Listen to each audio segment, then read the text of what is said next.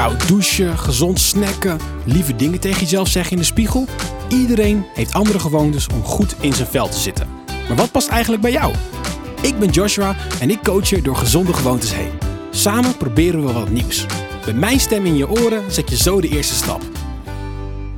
Soms lopen dingen niet zoals je wil. Dat hoort bij het leven. Het maakt het leven uiteindelijk ook mooi. Want zonder dalen geen pieken. Maar hoe romantisch ja, dat ook is, op sommige momenten kan het zo hard tegenzitten en kan je zoveel onrecht of frustratie voelen dat het er gewoon uit moet. En een deel van de mensen doet het bijvoorbeeld door te gaan feesten. Een ander deel helaas door dingen kapot te maken. En ik heb een hele andere manier gevonden. Smeer je stembanden maar vast, want we gaan schreeuwen. Schreeuwen om te ontspannen is een even gemakkelijke als ongemakkelijke vorm van therapie. Het is een van de natuurlijke reacties van onze body en mind.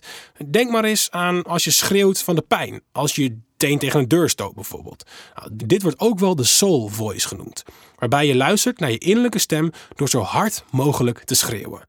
Door heel hard te gaan schreeuwen kun je alle spanning en grenzen die je voelt loslaten en even ongeremd alle frustraties eruit gooien. In het geval van de tenen de deur, dan doet het gewoon fysiek pijn. Maar ook bij andere problemen kan een lekker potje schreeuwen heel goed helpen.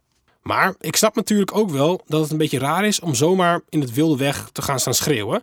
Zoek dus een plek op waar je het gevoel hebt dat je even flink kan losgaan. Dat kan in de auto zijn, in je huis als er niemand anders is, of diep in het bos of op het strand. Durf jij te schreeuwen op een plek waar anderen je gewoon kunnen horen en zien? En daar gaat heel veel zelfvertrouwen van uit. En als je die plek gevonden hebt, gewoon proberen. Of je nou een A of een oe of een wah schreeuwer bent, of je nou bestaande woorden gebruikt, zogenaamd tegen iemand schreeuwt, alles mag, zolang je zelf maar lekker laat gaan! En uh, ja, het kan heel goed dat je tijdens een schreeuwsessie ja, in de lach schiet. En dat is helemaal niet slecht.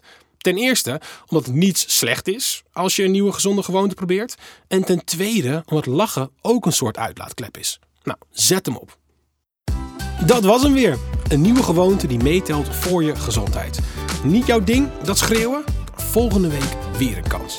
Meer weten over ontspannen? Ga dan naar zk.nl slash meer ontspannen.